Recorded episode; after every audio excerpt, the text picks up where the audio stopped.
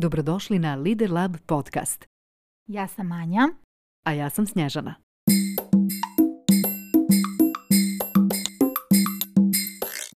Pored ciljeva i ekologije, modelovanje je treći stup NLP-a, kroz koji proučavamo uspješne pojedince, odnosno šta rade, kako rade i šta vjeruju o sebi i svijetu dok se kreću ka svom cilju.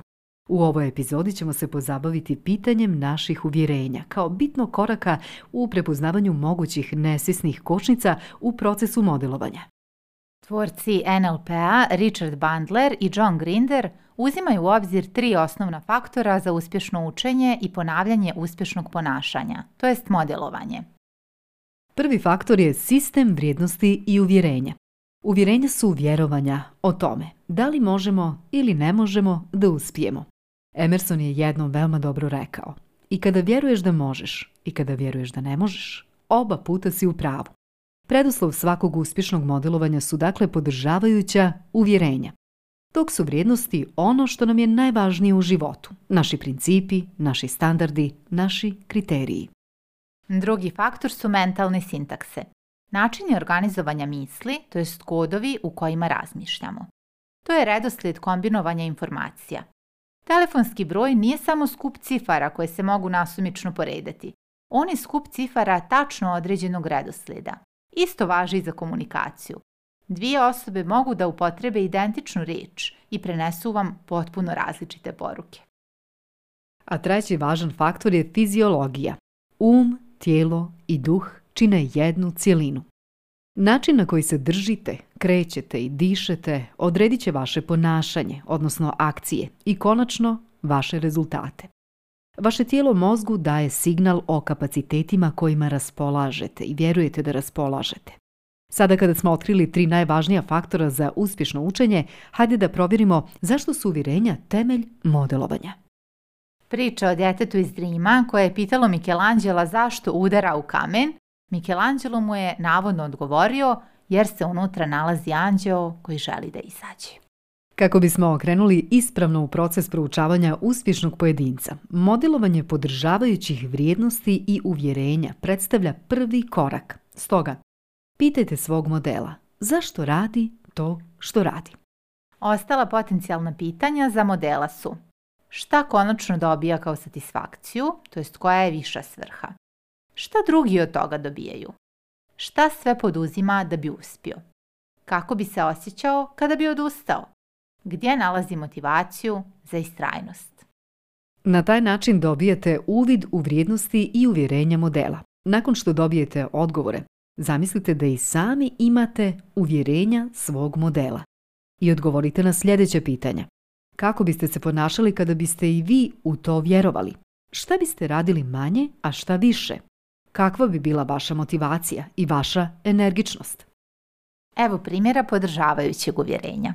Muzičar Casals je uprkos teškom artritisu zbog kojeg je jedva ustajao iz kreveta svirao klavir poput mladića pijaniste. Njegovo inače zgrčeno tijelo bi se ispravljalo čim bi sedao za klavir. Prsti bi se opružili poput strela, udarajući snažno i spretno po dirkama. Kad bi ga pitali kako mu to polazi za rukom, govorio bi da je uvjeren da umjetnost pobjađuje svako zlo. Imao je viši ideal. A svima nam je poznati placebo efekat lijekova. Postoje i malo radikalniji primjeri. Osobama u hipnozi se tokom jedne studije govorilo da će ih dotaći usijanim gvožđem, a doticali bi ih u stvari kockom leda. Njima bi se na koži ipak pojavio plik. Kako nastaju uvjerenja? Odlično pitanje. Naime, uvjerenje nastaju pod uticajem okruženja, da li podsticajnog ili nepodsticajnog, koje naravno nije isključiv faktor niti mora biti presudan. Zatim pod uticajem iskustva. Ako ste u nekoj oblasti dva ili tri puta ostvarili poželjne rezultate, povjerovat ćete da to možete i naredni put. Potom zahvaljujući znanjima. Uzmimo za primjer samo poznavanje kapaciteta mozga i načina na koji nastaju navike i odmah ćemo kreirati podržavajuće uvjerenja. Ili primjer usvajanja specifičnih znanja. Osobi koja je dobro savladala jedan strani jezik, mnogo je jednostavniji put za savladavanje narednog nego onoj osobi koja nikada nije učila strani jezik. Uvjerenja nastaju i vizualizacijom. Zamišljanjem željenog ishoda kao već realizovanog – mozak sebi šalje naredbe za izvršenje, to jest za traženje prilika da taj ishod materializuje. Zapamtite, uspjeh nikome nije zagarantovan. Ipak moramo priznati da samo vjerovanje u to da smo predodređeni za uspjeh uz vizualizaciju uspjeha jako puno pomaže u preduzimanju svakog narednog koraka potrebnog da se cilj i postigne. Donosimo vam predloge za sedam podržavajućih uvjerenja. Prvi prijedlog. Sve se događa s razlogom i može nam biti od koristi. Drugi, ne postoji neuspjeh. Postoje samo rezultati. Treći prijedlog. Ma šta da se dogodi, isplati se preuzeti odgovornost. Četvrti, ne trebamo sve razumjeti da bismo to mogli primijeniti. Ne moramo, na primjer, razumjeti sve principe fizike i kvaliteta struje da bismo znali šta se desi kad pritisnemo prekidač. Peti prijedlog za podržavajuće uvjerenje. Ljudi su naši najveći resursi. Šesti, rad je igra. I sedmi, nema trajnog uspjeha bez predanosti. Za kraj pripremili smo tri pitanja koja možete koristiti u razgovoru sa bliskim osobama ili partnerom, kako biste razgovor o uvjerenjima približili i poticali češće. Na taj način ih iznosite na svjetlo dana, razmatrate, provjeravate i pretvarate u podržavajuća uvjerenja. Pitanja su sljedeća. Koja uvjerenja treba da usvojite kako biste postigli željeni cilj? Kojih uvjerenja treba da se oslobodite kako biste bili uspješniji?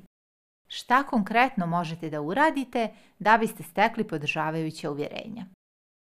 Za kraj zapamtite, Uvjerenja su samo naše lične istine u koje slijepo vjerujemo, a koje su nastale u procesu vaspitanja i na osnovu iskustva. Dakle, u pitanju je samo percepcija svijeta i ne predstavljaju neku svetu nepromjenjivu istinu u koju moramo vjerovati, te ih je stoga poželjno često preispitivati.